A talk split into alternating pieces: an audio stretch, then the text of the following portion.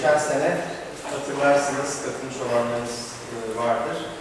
E, Tansu Bey ile başlamıştık. Ardından e, toplam dört, iki ayda bir dört konuşmayla Emrah Çoraman, Kerem Ali Boyla ve e, en son Nesin Hoca ile Nesin Algan'la sezonu kapatmıştık ve doğa e, ve iklim konusunu genel anlamda e, doğa hakları, doğa koruma konusunda çalışanlarla iklim politikaları ve iklim değişikliği konusunda çalışanları e, ve bu konudaki aktivistleri anlamda bir anlamda bir araya getirmeye başlayan bir e, konuşma dizisi bu. E, bu senede e, sezonu Ufuk Hanım'la açıyoruz. Kendisine çok teşekkür ediyorum davetimizi kabul ettiği için, bizi kırmadığı için. Ankara'dan e, geldi kendisi.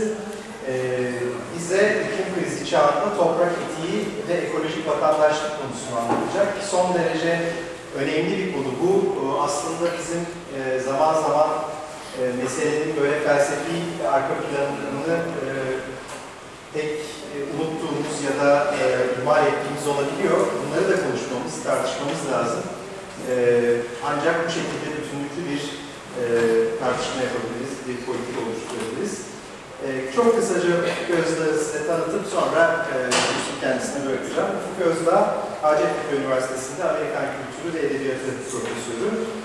E, kendisinin edebiyat ve toprak etiği, e, Amerikan doğa yazımında Leopold düşünce ve çevreci eleştiriye giriş e, edebiyat başlıklı kitapları var.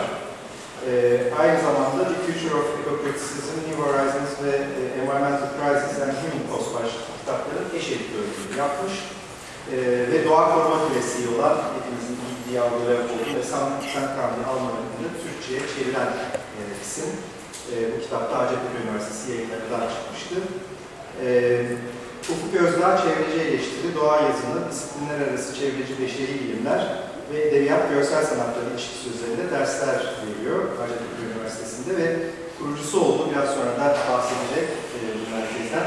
Hacettepe Üniversitesi Toprak Etiği Uygulama ve Araştırma Merkezi'nde toprak etiği çalışmalarına öncülük ediyor. Şimdi ben e, sözü Hanım'a bırakıyorum. Çok teşekkür ediyorum. Sabancı Üniversitesi İstanbul Politikalar Merkezi'nin e, davetiyle geldim. Çok teşekkür ediyorum. E, Sayın Ümit Şahin'e beni davet ettiği için sizlerle olmak ne güzel. E, bu vesileyle de kendi çalışmalarımdan bahsetme fırsatı da buluyorum. E, çünkü bu Leopold'un dediği gibi her şey rayından çıkmış, öyle söylüyor e, Alman'ın ön sözünde. E, bu yazılarla insanlık tekrar e, rayına oturacak diye anlatıyor e, bir kum yöresi Almanağında. Ben de bu şekilde bu insanlığı tekrar rayına oturtacak bu konuşma yazılardan da bahsetme fırsatını bulmuş oluyorum. Bu son 10-15 yıldır aklımı meşgul eden bazı konuları paylaşacağım sizlerle. Ben edebiyatçıyım ama benim ilgi alanlarım genişledi.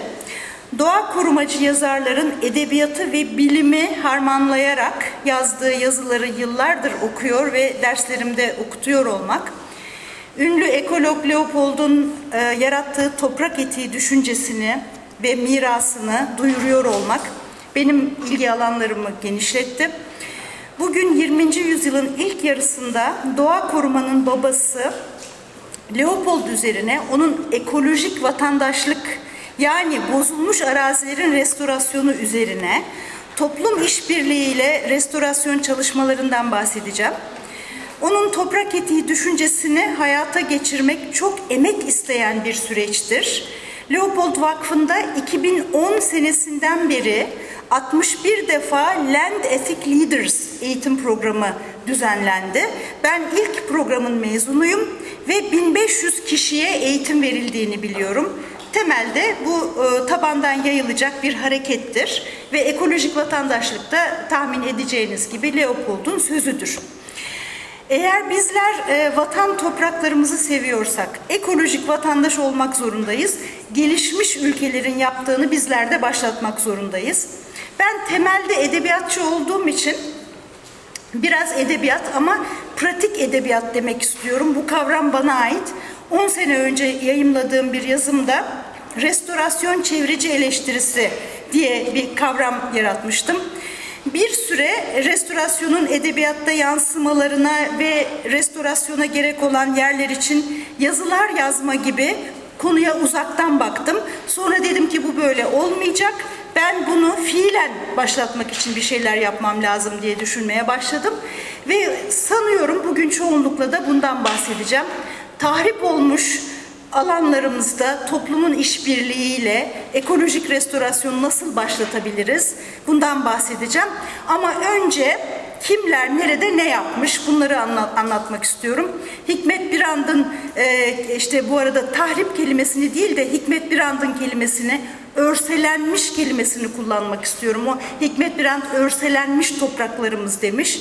Ee, ve acaba işte bu herkesin şimdi çok e, önemli üzerinde durduğu bu antroposen çağı tersine çevir, çevirebilir mi insanoğlu? E, çünkü bir sonraki çağın adını da koymak istiyorum e, naçizane. E, ekolojik çağ demek istiyorum.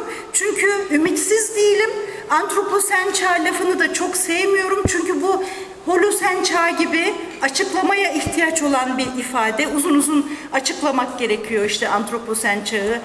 Dünyamızı bu hale insan getirdi. O halde e, çağın adı antroposen çağ deniyor. Oysa, oysa ekolojik çağ lafı için hiçbir açıklamaya ihtiyaç yok. Ümitliyim çünkü dünyada doğamızı koruyalım demeye başlayan sayısız insan, kuruluş, merkez, akademik birimler, sivil toplum örgütleri sayısız yayın olduğuna göre, toprak etiği konuları konuşulmaya başlandığına göre, tarım ve gıda etiği konuşulmaya başlandığına göre, geçen hafta İzmir'deydim. İkinci Tarım ve Gıda Etiği Kongresini düzenledi Target, yeni kurulan bu Tarım ve Gıda Etiği Derneği. Bütün bunlar olduğuna göre endişeler yersiz diye düşünüyorum.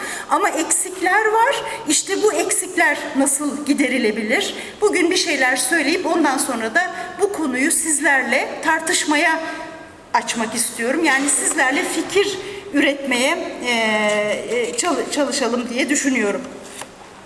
Şimdi edebiyat ve çevre ilk kez 1998 yılında yani 21 yıl önce Amerika'da bulunduğum bir sıra tanıştım ben bu alanla. Ertesi yıl derslerime entegre etmeye başladım. Sonra yayınlar yapmaya başladım. Türkologları anlatmaya başladım. Şimdi de her geçen gün karşıma yeni bir e, çevreci eleştiri penceresinden yazı çıkıyor.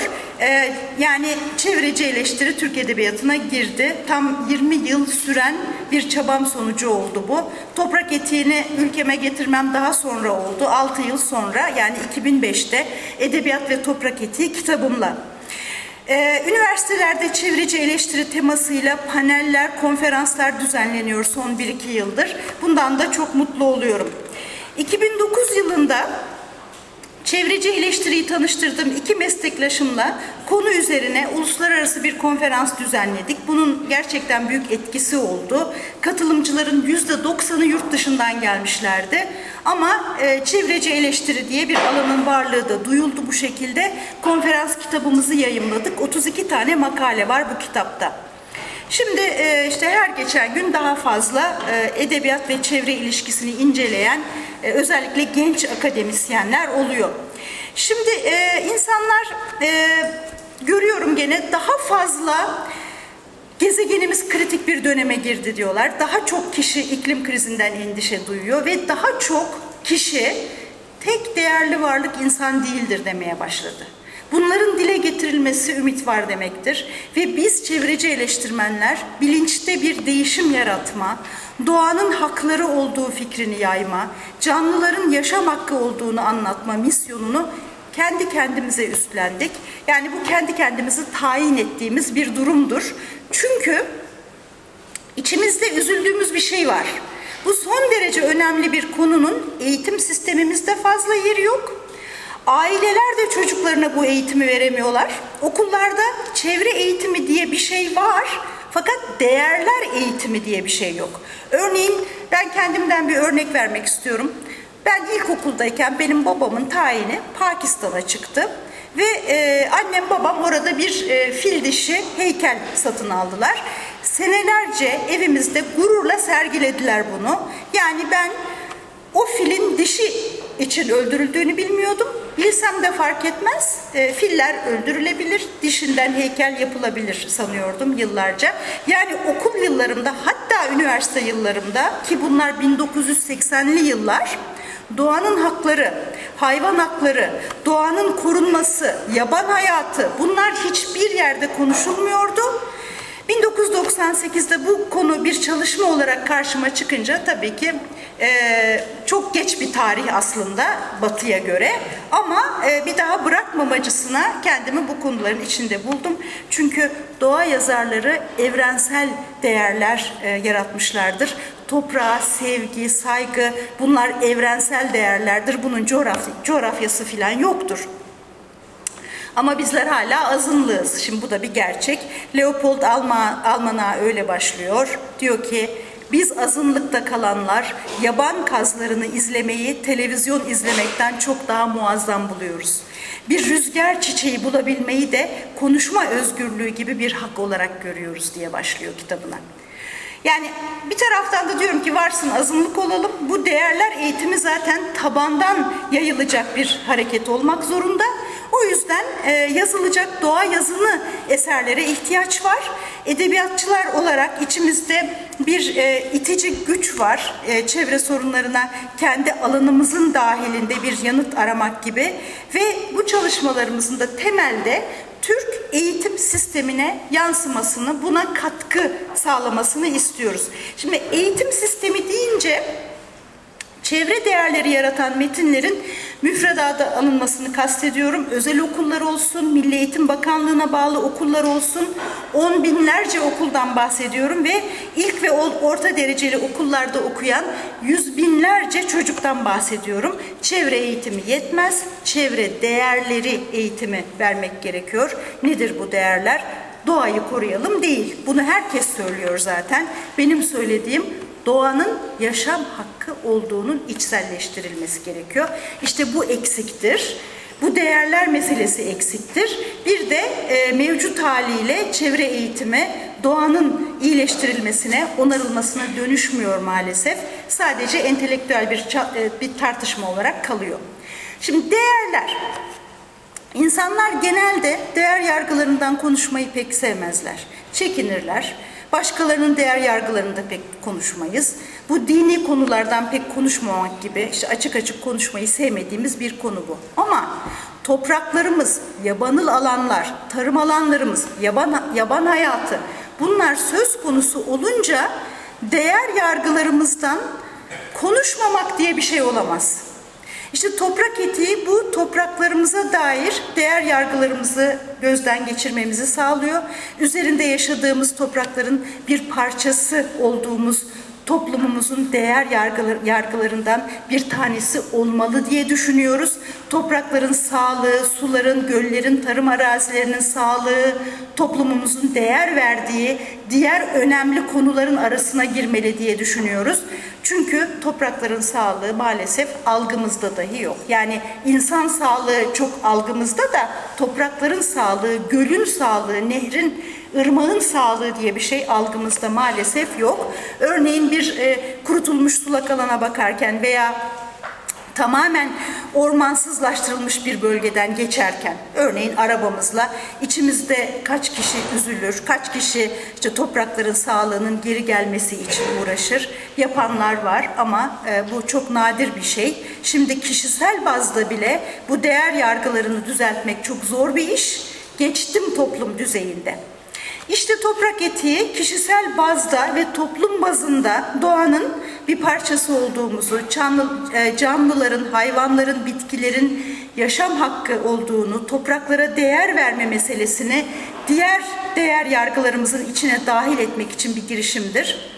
Çünkü bu değer yargıları bizim eylemlerimizi etkiliyor ama niyeyse bu çok önemli şeyi hiç konuşmuyoruz. Yani bu bizim dilimizde yok maalesef ve bunu tartışmaya açmak gerekiyor. Değerler konusu da en güzel e, işte örneğin okul sistemi dedim en güzel metinlerle tartışmaya açılıyor. O yüzden ben birkaç senedir hep almanak deyip duruyorum. Bu kitapların sürdürülebilirlik eğitiminin içinde yer alması gerekiyor. Ekopedagoji diye geçiyor bu alan. Ülkemizde ve dünyada eğer iyi bir şeyler olacaksa büyük ölçüde bunu bugünün çocukları yapacaktır. Çocuklara bu toprak etiği eğitimini o halde muhakkak vermek gerekiyor. Çünkü dediğim gibi eyleme dönüşen bir düşüncedir bu. İnsanları içine çekiyor. Leopold o duygusal işte anlatım tarzıyla bir duygusal patlama yaratmıştır. Multidisipliner bir düşüncedir ve e, bu kitabı da işte okuyunca e, siz de bildiğiniz gibi acaba ben yaşadığım yörenin toprakları için neler yapabilirim diye bunu düşünmeye başlıyoruz. Şimdi toprak dedim de konuşmam sırasında çok toprak diyeceğim. Toprak kelimesini tüm yabanıl alanlar, kırsal ve kentsel alanlar, göller, denizler, nehirler anlamında kullanıyorum. Çünkü toprak kelimesi çok güçlü bir imgedir. Şimdi Leopold'un her yerde tekrarladığım bir sözü var. Leopold diyor ki, milli marşımızı söylerken, toprağa sevgimizi haykırdığımızda neyi seviyoruz diye soruyor. Elbette ki ırmaklardan aşağı indirdiğimiz toprağı değil. Elbette ki atık suları boşalttığımız suları değil. Elbette ki gözümüzü bile kırpmadan topluca yok ettiğimiz bitkileri değil.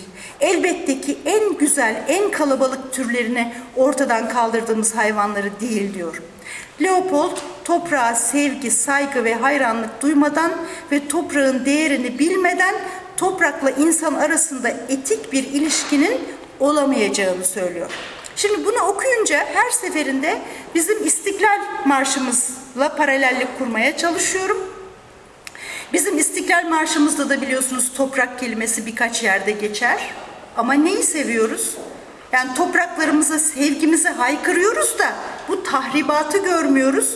Sevgili Hayrettin Karaca hep değiniyor Atatürk'ün ünlü sözüne vatan toprakları kutsaldır, kaderine terk edilemez diye toprak sevgisi, e, toprak etiği bu bir değerler meselesidir. E, ve e, tekrar ediyorum biz toprağa sevgimizi hep haykırıyoruz da neyi seviyoruz? Yani Leopold'un sorduğu gibi ben de sormak istiyorum. Sevdiğimiz şey soyut bir şey gibi sanki. Somut olanı sevmemiz lazım. Dağın kendisini, gölün kendisini, nehrin kendisini. İşte o zaman ekolojik vatandaşlar olabileceğiz. Bu dünya insan, e, bu dünya insan tasarısının bir ürünü diyen e, filozoflar var biliyorsunuz. O halde bu dünya düzeni değiştirilebilir, yeni bir tasarı eskisinin yerini alabilir. Yeter ki bunu her geçen gün daha fazla insan konuşmaya başlasın ve e, içselleştirebilsin. Adam Smith ekonomi üzerine en etkili düşünürlerden biri Amerikalı The Wealth of Nations'ı yazmış 18. yüzyılda. Demiş ki zenginler çok para kazanacak bunu halkın iyiliğine kullanacak. Şimdi bu bir tasarıydı. Bu devletlerin işine geldi. Sonra iş çığırından çıktı. Düzeltmek için Birleşmiş Milletler kuruldu. E baktık Birleşmiş Milletler de bir takım ulusların çıkarlarını korumaktan başka bir şey yapamıyor.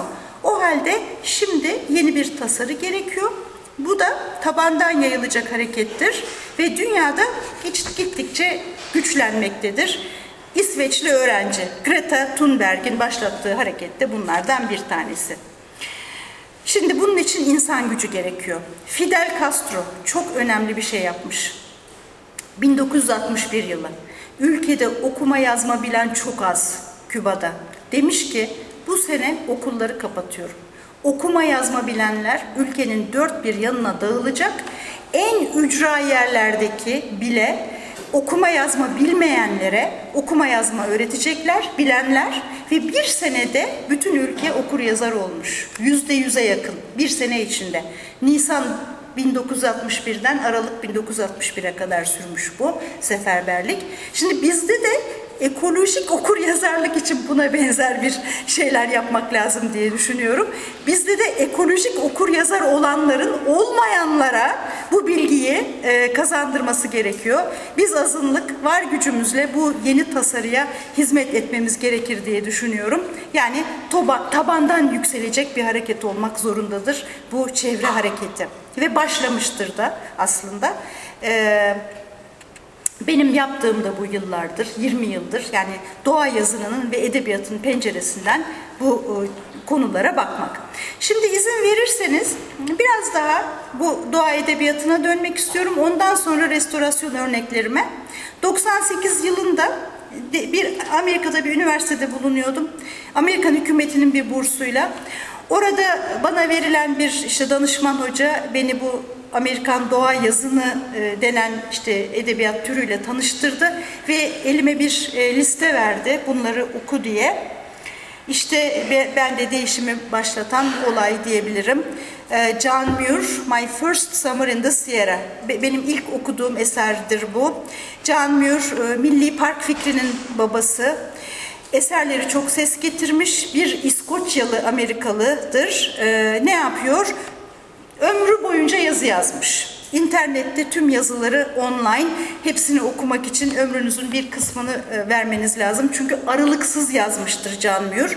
Şimdi bu yazım tarzı doğanın bu şekilde betimlenmesi, bu yeni e, değerler sistemi, doğanın, canlıların yaşam hakkı olduğu düşüncesi beni gerçekten hayrete düşürdü ve gözlerim açıldı, doğayı görmeye başladım. Ee, diyorum ki insanların perde var herhalde gözlerinde görmüyorlar. Halbuki e, koruma gerçekleş, gerçekleşmesi için önce bu keskin gözlere ihtiyacımız var. Gene bir başka Amerikalı doğa ya- yazarı Sharp Eyes demiştir. John Burroughs diye bir yazar. Ee, gözleri önce bir keskinleştirmek lazım ve dedim ki şimdi bu keskin gözlerle bir şeyler yapayım, bir işe yarasın. Bu doğa yazını türünü kendi dilimde yazmaya başlayayım. Çünkü burada farklı bir e, değerler sistemi var. 2005 yılında Edebiyat ve Toprak Eti kitabımı yaz, yayımladım. Beş Amerikalı doğa yazarını ele aldım. Tahmin edersiniz birçok kavramın e, dilimizde karşılıklarını bulmak durumunda kaldım. Nature writing, doğa yazını gibi mesela doğa edebiyatından ayırmak zorunda kaldım. Çünkü bu düz yazıdır. Bunlar e, doğa yazarlarının lirik doğa gözlemleridir. E, ve şimdi bakıyorum bu doğa edebiyatı, doğa yazını bu kavramlar e, Türkologlar içinde de oturdu olarak görüyorum. Ee, sonra 2008 yılında Hacettepe'de edebiyat ve çevre dersleri açmaya başladım. Temelde bu doğa yazını türünü tanıtmak için. Çünkü e, bizim ülkemizde Türk Edebiyatı bölümlerinde bu bir e, çalışma alanı olarak maalesef hala bilinmiyor. Tek tük diyebilirim. İşte Hikmet Biran'dı. Türk edebiyatçıların dikkatine bu şekilde sundum. Ee, korumacılar, biyologlar tabii ki Hikmet Birand'ı çok iyi biliyorlar ama Türkologlar bilmiyorlardı. Etrafta konuşuyordum bizim dilimizde böyle Muir gibi, Leopold gibi yazan biri yok mu diye.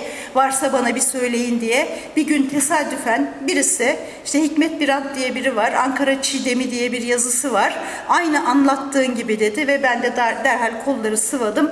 Şimdi e, Hikmet Birand'ın e, Türk Doğa yazınında dev bir eser yazımda yeni e, bu Tuna Hocam e, yayınladı. Alıç Ağacı'nın Gölgesinde Anadolu Bozkırları bu sene yayınlandı.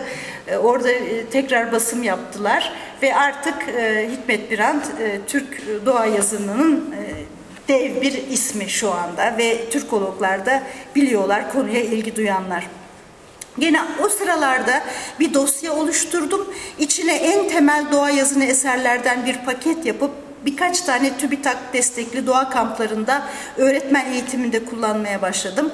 Ekolojik okur yazar dedim bunun adına. Sevgili Burcu da beni davet etti bu kamplardan bir tanesine.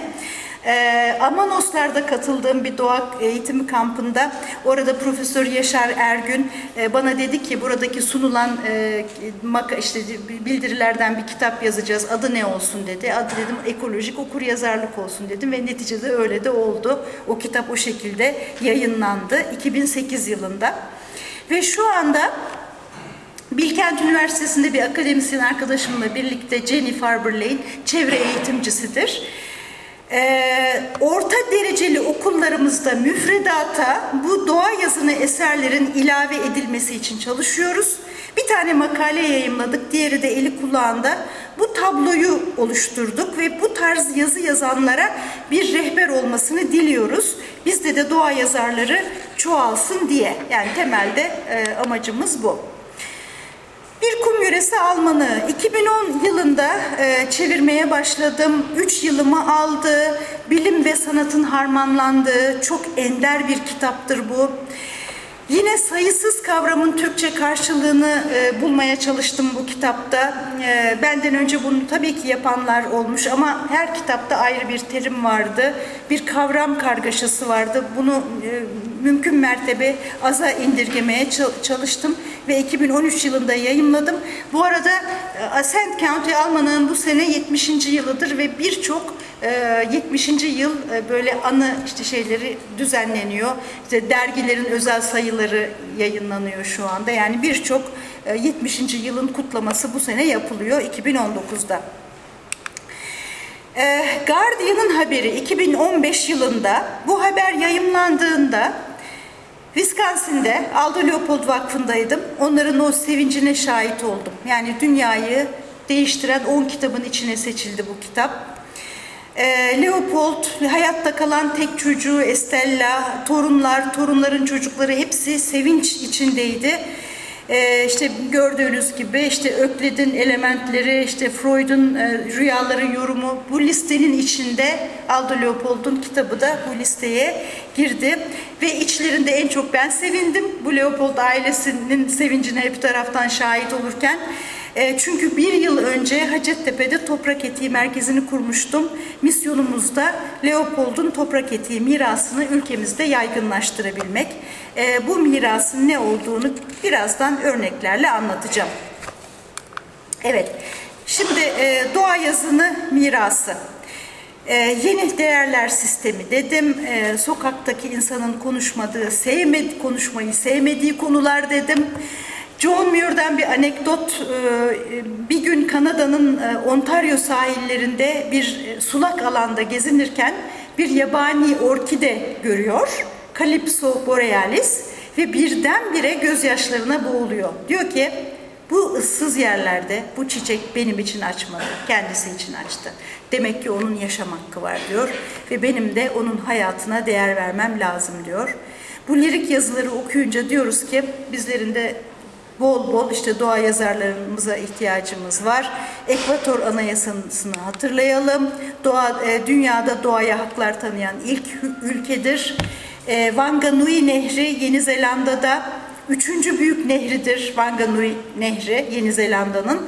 Yeni Zelanda parlamentosu Wanganui Nehri'nin bir insanla aynı haklara sahip olduğunu deklare etti 2017 yılında the same legal rights as a person diye geçti bu. Yani dünyada bir ilk bu. Bir nehir canlı bir varlık olarak tanındı. Demek ki Yeni Zelanda'da bu değerler meselesi uzun zamandır konuşuluyordu diye düşünüyorum. Şimdi doğa yazarı kim? Bu kişi doğaya gider yeni bilgiler getirir o gittiği yerlerden. Bunlar en ücra yerlere kadar gidiyorlar doğa yazarları. Kuzey kutbuna gidiyor. Balta girmemiş ormanlara, çöllere, dünyanın her köşesine gidiyorlar ve bu yerlerle ilgili yeni bilgiler üretiyorlar. İnsan doğa ilişkileri üzerine yeni bilgiler üretiyorlar. Bizler doğanın bir parçasıyız gibi. Ve bu yeni değerler e, sistemi yavaş yavaş ortaya çıkmaya başlıyor.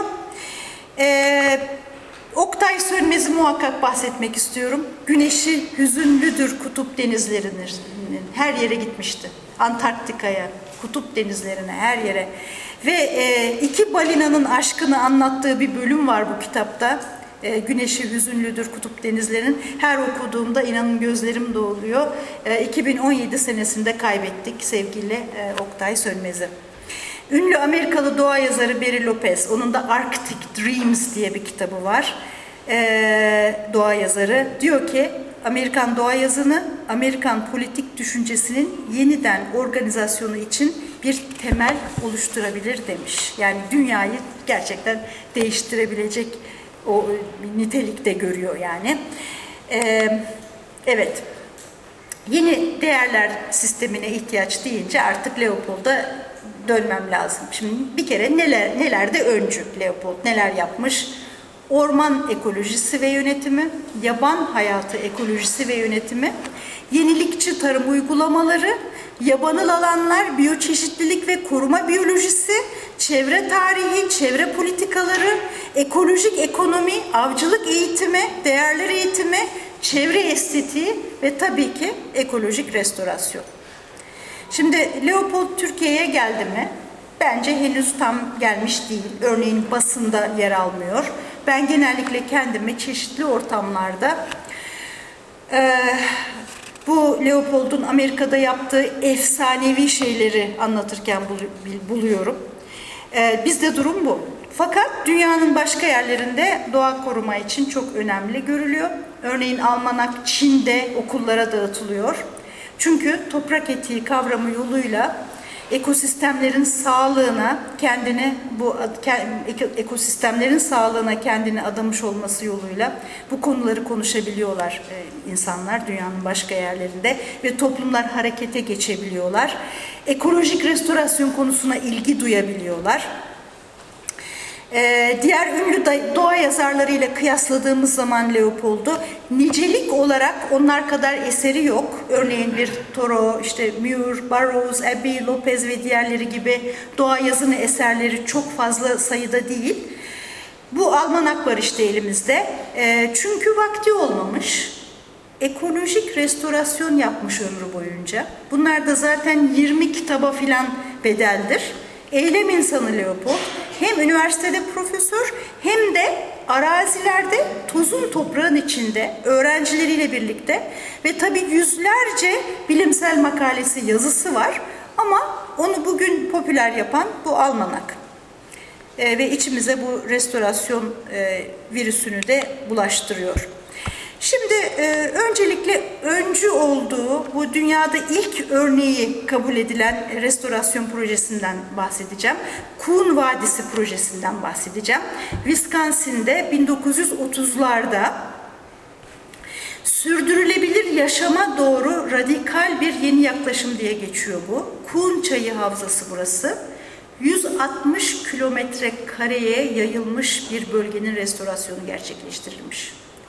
Yüzlerce kişi, yörede yaşayan sade vatandaşlar, çiftçiler, öğrenciler, hükümet organları bir restorasyon projesi için el ele veriyorlar. Ee, ve e, Leopold'un e, Wisconsin Üniversitesi'nden gidip danışmanlık yaptığı bir proje bu. 800 ee, çiftçi var bu bölgede. 400'ünü ee, Leopold ikna etmiş. Yani bu projeye dahil olun diye. Sağlıklı bir ekosistemin bütün bir yöre halkının menfaatine olacağını anlatmaya çalış, çalışıyor onlara.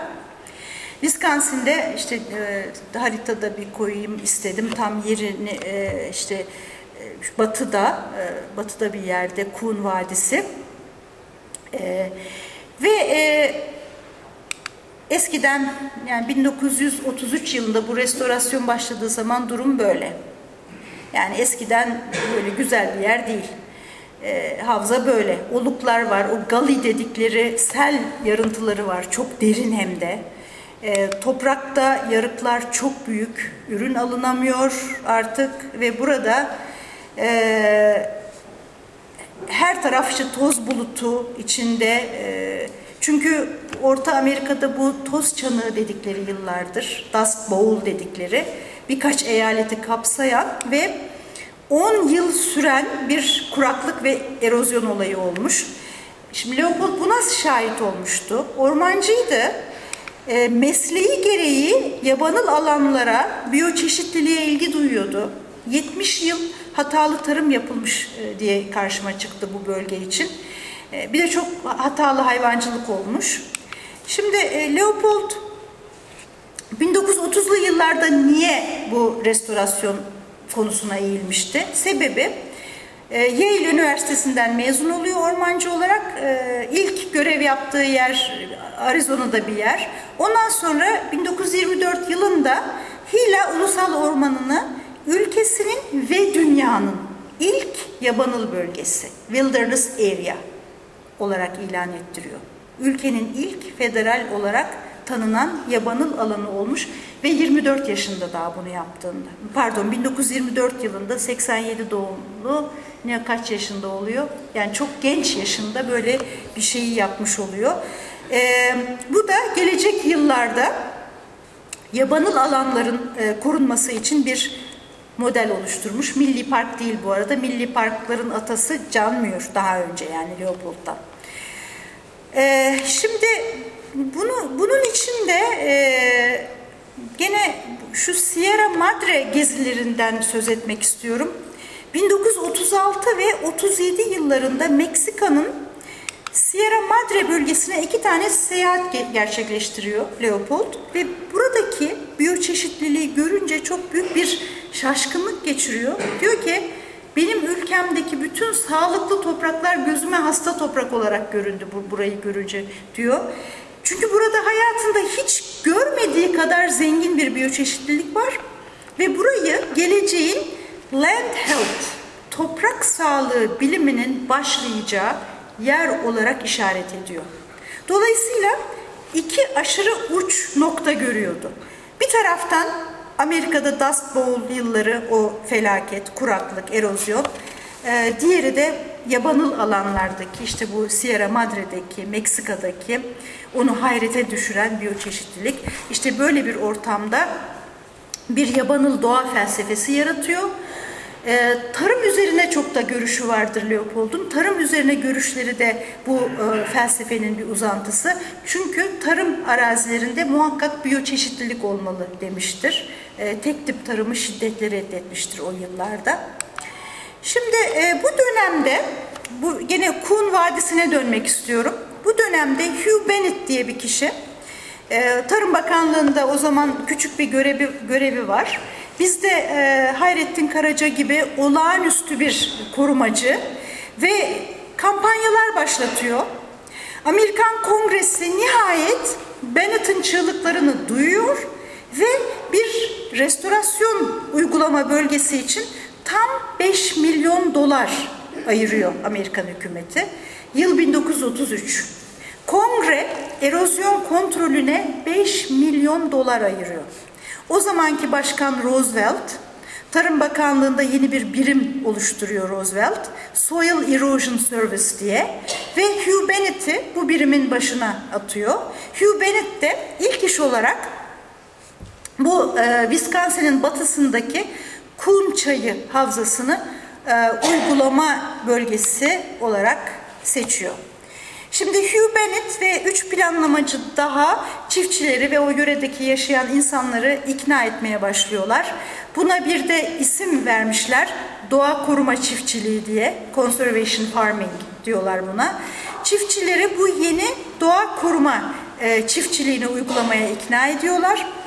Ee, Birçok insanla birlikte çalışmışlar. İşte e, toprak erozyonu uzmanları, toprak bilimciler, ormancılar, mühendisler hepsi bir araya gelmiş. Teknisyenler, üniversiteden akademisyenler, ziraatçiler hepsi bir araya gelmişler ve ülkenin ilk havza ölçeğinde 160 kilometre kare ilk havza ölçeğinde restorasyon projesi başlatmışlar kolektif olarak çalışılacak. E işte ne gibi teknikler uygulanacak bunu hep birlikte karar vermeye çalışmışlar. İşte hükümette e, tabii çok paralar çıkardı. Diyorlar ki e, tohum, e, fidan sağlama, restorasyon için işte çeşitli malzemeler konusunda bunları hep hükümet yapacak. Kuhn Vadisi bankacıları da e, dahil olmuş ve yenilikçi tarım uygulamaları için finans sağlamışlar. Bir de Sivil Doğa Koruma Birliği diye bir birim oluşturuyorlar hükümette gene. Yüzlerce genç, çünkü o zaman dediğim gibi bu çöl e, toz çanağı yılları, işsizlik çok fazla. Yüzlerce genç bu Kuhn Vadisi'ne yollanıyor. E, Sivil Doğa Koruma Birliği'ne üye olan. Ağır işi yapan yani tek tek özel arazi sahibi kişilere yardım edenler bu gençler oluyor. E, tüm, tüm e, bütün, bütün bu kişiler işte arazi sahipleriyle el ele vermişler. Kontür şerit ekimi, eğimli tesviye terasları gibi bütün bu uygulamaları birlikte yapmaya başlıyorlar. Örneğin işte bu sel yarıntısı dediğimiz yerlerin doldurulması, e, ondan sonra e, işte düzenli toplantıların yapılması, e, çünkü şuna inanıyorlar, uzun vadede çiftçinin kendisine iyi olacak bu. Yani çiftçi kendisi avantaj sağlayacak e, bu metotları yapıyorlar. Bu şekilde nursery dedikleri işte fidanlıklar e, her yerde e, hazırlanıyor. E, işte e, te, tesviye eğrili tarım işte dediğimiz. E, mesela bu aynı yerdir. E, şu en gerideki ağaçlardan belli aynı yer olduğu. Yani e, restorasyon öncesi ve restorasyon sonrası halini görüyoruz bu arazinin şu anda. Aldo Leopold'un oğlu Starker Leopold da bu e, şeyini projenin içine dahil olmuş. E, o da restorasyona katılmış. Neticede Havza'daki birçok kişi bu programa dahil olmuş. İlk yıl 800 çiftçi, işte 400'ü dahil olmuş dedim. 5 yıllık bir anlaşma imzalıyorlar.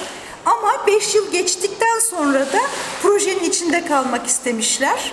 E, çünkü projenin başarıya ulaştığını görüyorlar 5 yıl içinde. Şu anda bölgede Organic Valley diye bir e, iş sektörü var. 2011 yılında 70 milyon dolar gelir el, elde etmişler. E, 33 eyalete yayılmış bu. E, 1600 e, tane e, şeye kişi yani bu işin içindeymiş şu anda. Yani çok büyük bir sektör oluşmuş ve bunun da merkezi bu Kun Vadisi. Tam bir e, rejenerasyon, tam bir canlanış hikayesidir. 1955 yılındaki hali e, gene o eski yıllardan Kun Vadisi'nin e, fotoğraflarını göstermek istiyorum restorasyon sonrası e, ve e, yaban hayat yaban hayatı habitatları var bol miktarda. Şimdi Leopold'un ne gibi bir görevi olmuş? Bir kere bu projeye danışman olarak atanmış. E, Hugh Bennett Leopold'u danışman olarak atıyor bu projeye. Wisconsin Üniversitesi'nde Madison'da e, zaten görevi var. Orada yaban hayatı e, daha doğrusu game management, av, av hayvanı yönetimi diye bir alan yaratmış. O sırada onun derslerini veriyor üniversitede. Fakat bir taraftan da bu havzaya işte gitmeye başlıyor Leopold ve e, kendine bu havzada bir yerde bir restoranda bir gayri resmi bir ofis yaratıyor bir restoranın bir, bir kenarında ve sürekli oraya işte ziyaretçiler gelmeye başlıyor. Orada onlarla gayri resmi ofisinde ne yapacaklarını e, anlatmaya çalışıyor oradaki insanların. Yani sadece danışmanlık yapmakla kalmıyor bu, bu projeye. İşte toprakların e, analizini, e, erozyonu durdurmanın yollarını, bütün bunları e, oradaki insanlarla birlikte e, çeşitli deneylerle, tabi bunların kimisi işe yarıyor, kimisi işe yaramıyor. Yalnız şöyle diyorlar, işe yarayanları hala bölgede kullanıyorlar diye anlatıyorlar. Ve e, havzadaki yaban hayatı habitatlarının restorasyonu konusunda öncü oluyor. E, bu şekilde bir de hatta bir e, American Forests diye bir dergide de bir yazı yayınlamış 1935 yılında. E, özellikle şimdi ben bunu çok da manidar buluyorum. Yani aradan 80-90 yıl geçtikten sonra bu Amerika'da Kun Vadisi e, restorasyonunu niye şu anda bu kadar ön plana aldılar, bir sürü yayınlar falan yapılıyor. Çünkü onlar da artık Amerika'da bu tabandan yayılacak çevreciliği, yani bunu bir yerde kullanıyorlar da. Ama tabii çok da önemli de bir, e, çok geniş çapta restorasyon ve dünyada ilk olarak kabul ediliyor Kun Vadisi restorasyonu. Ben de bizim için bunun eşsiz bir model, e, yani halk bazında, yörelerde tabandan yükselecek bir ekolojik restorasyon hareketinin e, parçası olmayı, arazilere biyoçeşitliliği işte geri kazandırmayı, gelecek çağın adı eğer gelirse işte ekolojik çağ olabilir diye söylemiştim. Herkese görev düşüyor. Amerika'da çok yaygınlaşmış durumda. İşbirliği içinde bölgelerin restorasyonu çağı. Şimdi birazdan bu Matt Nehri Havzası'nda yapılanları anlatacağım. Kaliforniya'nın kuzeyinde tam 400 kilometre kare araziyi 20 senedir yöre halkı restore ediyor. Ama ondan önce biraz daha Leopold'dan bahsetmek istiyorum. Ünlü işte Baraboo'da, Wisconsin'de, Madison yakınlarında Shack arazisi e, 1930'lu yıllarda yani Kun Vadisi restorasyonunu yaptığı yıllarda e, bir arazi satın alıyor. E, ve özellikle toprakları bozulmuş bir arazi e, isterim diyor. Yani böyle bir arazinin arayışına e, giriyor. 1930'lar bakın e, ve şimdiki halini tekrar şöyle göstermek istiyorum.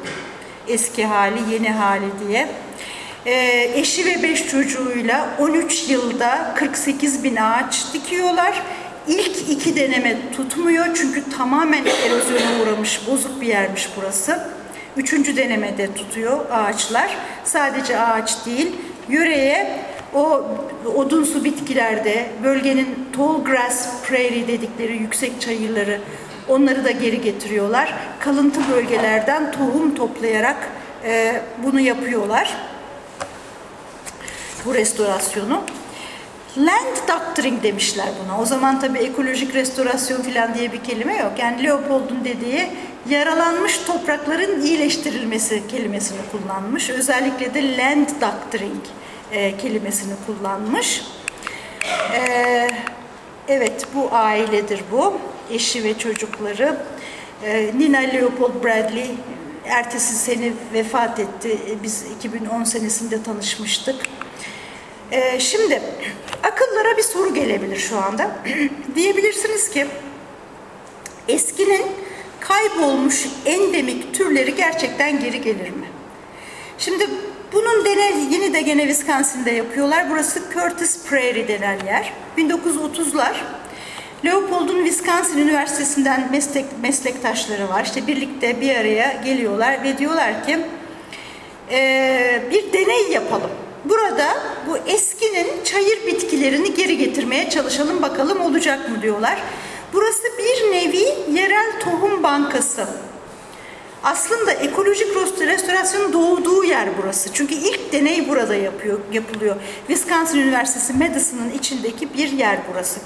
Curtis Prairie de gene o restorasyonu yapan e, meslektaşlarından bir tanesinin soyadı.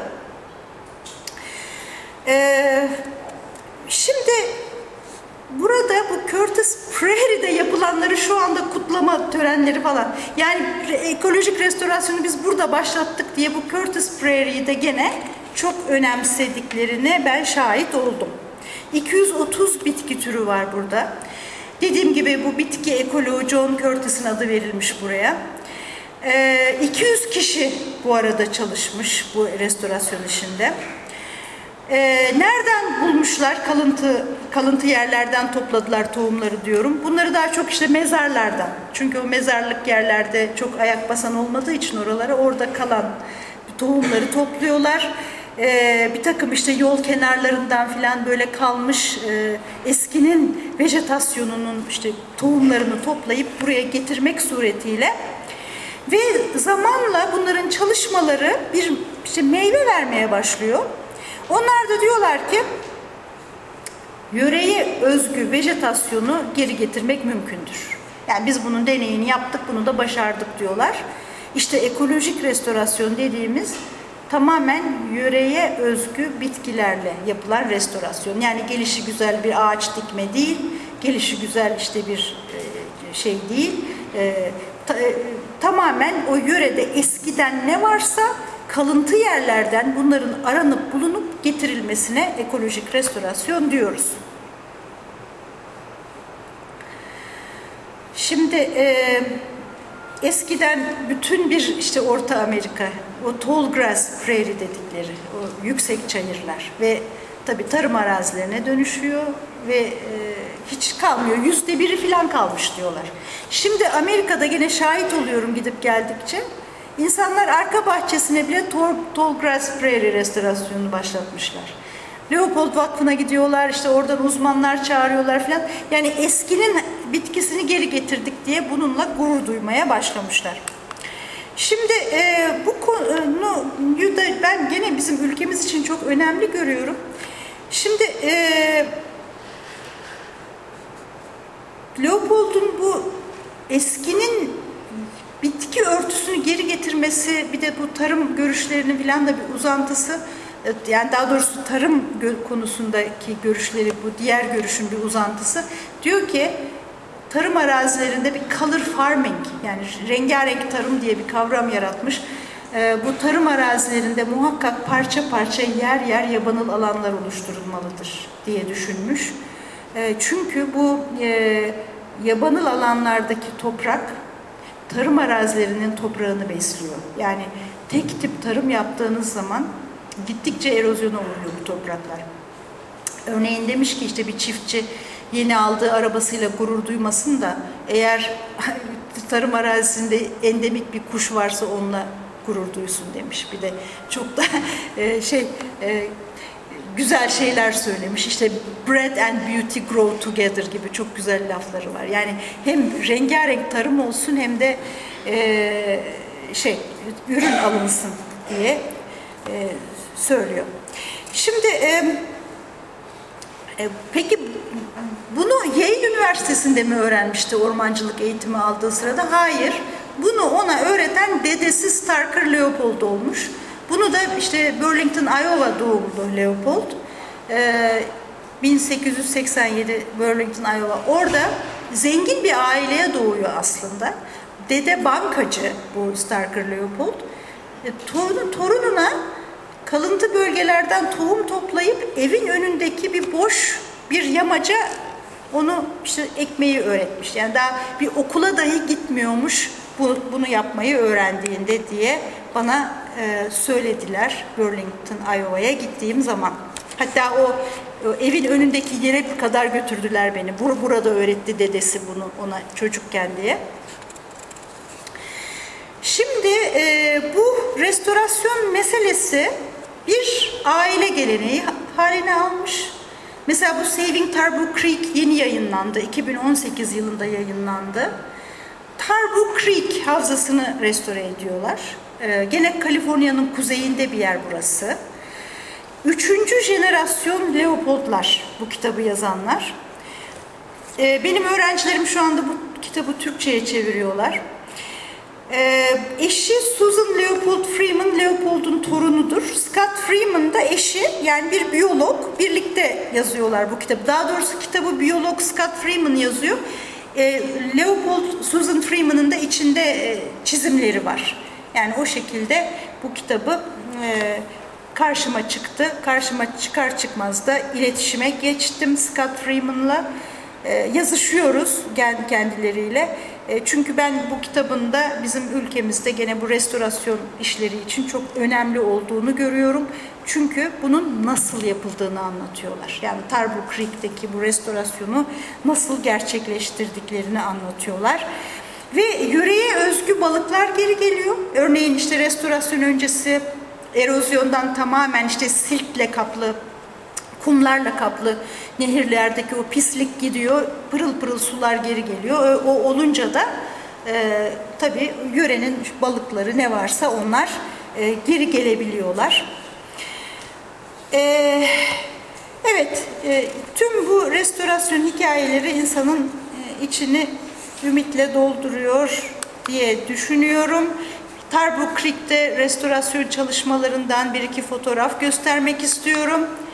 Ve Aldo Leopold Vakfı'nın yayınları bunlar. My Healthy Woods, My Healthy Streams. Ee, yani health meselesi, sağlık meselesi artık insanı aşmış vaziyette. Yani sağlık deyince insan sağlığı değil. Göllerin sağlığı, nehirlerin sağlığı, dağların, ovaların, ormanların sağlığı diye yeni bir anlayışı yaygınlaştırmaya çalışıyorlar ve bunu yapacak olan da yöre halkı. Tabii ki hükümet yardım edecek, tabii ki belediyeler her türlü yardım yapacak ama insan gücü gerekiyor bunu yapabilmek için. Bu insan gücünü de yapan yörenin halkı. Şimdi ben de hayaller kuruyorum. Benim sağlıklı Kızılırmağım, benim sağlıklı Van Gölüm diye bizlerde de böyle kitaplar e, yayınlanmaya başlasa ne güzel olur. Restorasyon sonrası tabii ki. Yani sağlık deyince sadece insan sağlığı konuşmayalım diyorum. Çünkü e, Living Downstream işte Sandra Steingraber'ın yayınladığı kitapta kanserlerin yüzde sekseni çevresel kaynaklardan ve bu Dünya Sağlık Örgütü'nün verisidir. Yani yüzde 80 kanser vakası kanser olmayabilirdi. Yani çevre pis diye veya işte o yaşadığımız bütün ortamlar işte her her yer pis diye bu kötü hastalığa yakalanıyoruz. Evet, işte benim yıllardır e, etkisinde olduğum e, bu toprak etiği meselesi. Şimdi de bu Matdol Nehri e, restorasyonundan bahsetmek istiyorum. Çok önemli çünkü. Burası gene bir havza, 400 kilometre kare. Burası da Kaliforniya'nın kuzeyinde bir yer gene. Matdol Nehri restorasyonu. Bu nehrin 74 tane yan kolu var. Şöyle göstereyim. Ee, dağlarda işte başlıyor Matdol Nehri. 74 tane yan kolu var. Hepsinde restorasyon yapılıyor 20 yıldır. Yani e, tabi sayısız topluluk var burada. Daha çok küçük topluluklar. Eskiden burada Kızılderililer yaşıyormuş. Sonra malum hikaye işte Kızılderililer yok ediliyor. Beyazlar yerleşiyor buraya. Beyazlar işte buraya kereste fabrikaları kuruyorlar. Bir sürü kereste fabrikası. Ve bu kadim ormanlar yok ediliyor. 40 yılda yok edilmiş. Old Growth Forest, Fir Douglas diye geçiyor. Yani burada ki bu kereste fabrikalarıyla tam bir katliam 40 sene boyunca ve ormanlar tamamen yok olmuş. Tabii ki biyoçeşitlilik de yok olmuş. Ve bu e, Matdol nehrine gelen belli bir tür somon balığı Chinook, Chinook somonu diye geçiyor.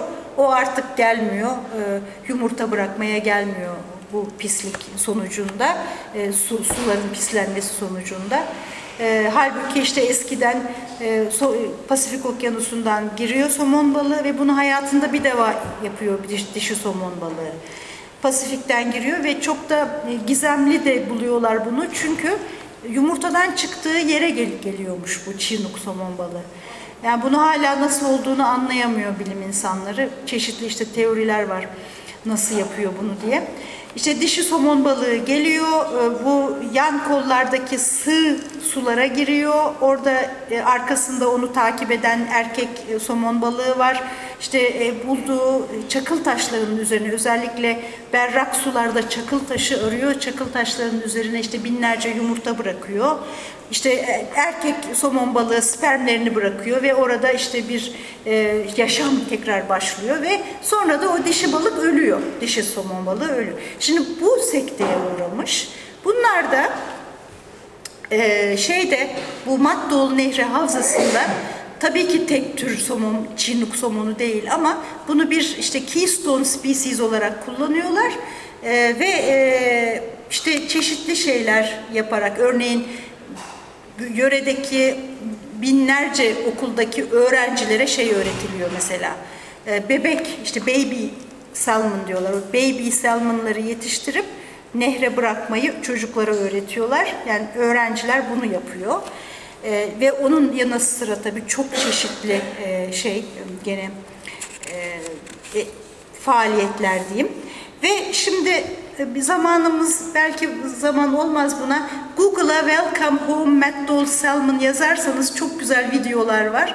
Birkaç senedir somon balıkları artık gelmeye başladı. Çünkü tamamen su berraklaşmış vaziyette ve bu 74 yan kolun tamamında. 400 kilometre kare. İnanılmaz. Yani son derece kahramanca bir şey bu. Yani bu bütün dünyanın duyması gereken bir şey. Ve bunu da işte duyuran şu kişidir. Freeman House. Öğrencilerime okutturuyorum ben bu kitabı. Totem Salmon diye. 99 yılında yayınlamış bu kitabı. Doğa yazını eserdir bu. Ee, son derece etkileyicidir. Ee, Matt Dole Watershed Salmon Support Group'un kurucusu, Matt Dole Restoration Council'ın kurucusu. Ee, 2017'de ya da geçen sene 2017'de vefat etti ve e, hakikaten bir dünyaya iz bırakarak vefat etti. E, çünkü bütün bu restorasyonun lideri konumundaydı Freeman House. Özellikle bu kitabı yazması çok önemliydi. Çünkü bu kitabı şimdi bütün dünya ülkeleri kendi dillerine çevirecekler ve e, yeni işte diyorum ya konuşmamın en başında yeni bir tasarı gerekiyor bu dünyaya diye. İşte bu yeni tasarının kitapları bunlar diye görüyorum ben. evet, şimdi Maddol Nehri Havzası'nda tabii hükümetin çok büyük hizmetleri var. Örneğin şimdi bir helikopter görüyorsunuz. Helikopterin ucunda da kocaman bir tane ağaç var. Şimdi bu nedir derseniz helikopter o kurumuş ağacı dağlardan, tepelerden söküyor ve bunu nehrin havzasına bırakıyor ki orada yeniden bir ekosistem oluşsun diye. Yani bütün amaç nehri canlandırmak. Yani silkten korumak, kurtarmak orayı. Ki balıklar gene gelebilsin e, şeyden, Pasifik'ten diye. E, gene bunların da videoları Google'da karşınıza çıkacaktır.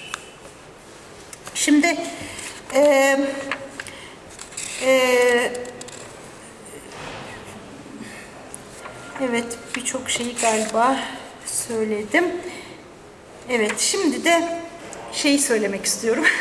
Şimdi bu çok yaygın. Yani bizde de bir an önce başlasın diye ümit ediyorum yani. En büyük arzularımdan biri diyebilirim. Bu benim Amerika'da Maryland'de çok yakın arkadaşımdır e, Peggy. E, hatta sağdaki fotoğrafta beni de göreceksiniz. İki sene önce onun bir çalıştayına katıldım. Bana dedi ki biz ben geçen sene bin tane ağaç diktim dedi. Şimdi bir gönüllü şeyi var, sistemi var. Her yerde var ama bu. Sadece bu Maryland'de değil, her yerde. Bir takım e, şeyler, organizasyonlar kuruyorlar. İşte bugün şuraya gideceğiz diye. Oraya koşarak gidiyor yüzlerce insan. Ki nerede restorasyon yapılacaksa. Gidiliyor. Mesela şunlar neler? Ee, Birçok öğrenci görüyorsunuz. Bir çiftlikte akarsu kenarına ağaç dikiyor bu öğrenciler. Ee, şimdi bu kenarlarda tarım yapılmıyor ki tarım arazilerinden gelen sulara burada sünger görevi görsün diye. Yani buffer, buffer tree planting deniyor. Bunu öğrencilere yaptırıyorlar. Okullardan götürüyorlar öğrencileri. İşte tarım arazilerinden gelen sular nehre girmesin burayı e, ağaçlandıracağız diyorlar örneğin. Gene burada e, işte öğrenciler gene bir takım yaşayan çiftliklerde öğrencilere tarım eğitimi veriliyor. Bu benim arkadaşım Pegi'nin alanıdır bu. Yaşayan çiftliklerde tarım eğitimi. E, Maryland Agricultural Education Foundation, MAEF diye gene Google'dan bakarsanız onların o şahane faaliyetlerini göreceksiniz. Evet sulak alan. Maryland'de hiç yoktan var edilmiş e, bir sulak alan burası. Yağmurlarda fazla suya sünger görevi görüyor. Eskiden erozyona uğramış bir yermiş burası. Bu çiftçi de daha önceki bitkileri söküp yerine daha dirençli yerel tohumlarla restorasyon yapmış. Gönüllüleri çağırarak yaptırmış bunu. Ee, bir tane örnek olarak bir web sayfası koydum. York County Conservation District'in bir web sayfası. Hep restorasyon haberleri var burada. Yöre halkının yaptığı restorasyon haberleri. E, yani gene çeşitli fotoğraflar, fotoğraflar koymak istedim. Ee, bunların tabii bu kullandıkları, ektikleri fidanlar, şunlar bunlar tabii ki yöredeki municipality, işte belediye oralardan veya Tarım Bakanlığı'nın çeşitli birimlerinden temin ediliyor. Bunlar da eldivenlerini takıp buraya koşa koşa gelen yöre halkıdır bunlar. Çayır restorasyonundan bir örnek. Tabii ki nasıl yapacaklarını öğreten de bol miktarda insan var. Öğrenciler getiriliyor okullardan ve burası da bizim Hacettepe Üniversitesi'nde toprak etiği uygulama ve araştırma merkezimizdir. Ben bu merkezi 2014 yılında kurdum. Ee, geçen sene Haziran 2018 itibariyle Beytepe kampüsünde de rektörlüğümüz bize bir arazi tahsis etti. Biz de burada öğrencilerle küçük çapta bir restorasyon başlattık Mart ayından beri. Ve tabii ki amacımız Ankara'nın sadece yerli ağaçları, odunsu bitkileri ve bozkır bitkileridir. Ee, öğrencilerin eldivenlerine kadar ben satın aldım. Teşekkür ederim.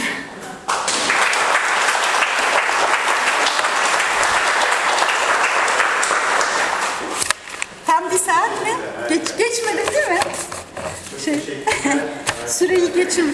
Süre, e, acaba dedim çok mu uzatacağım lafı ama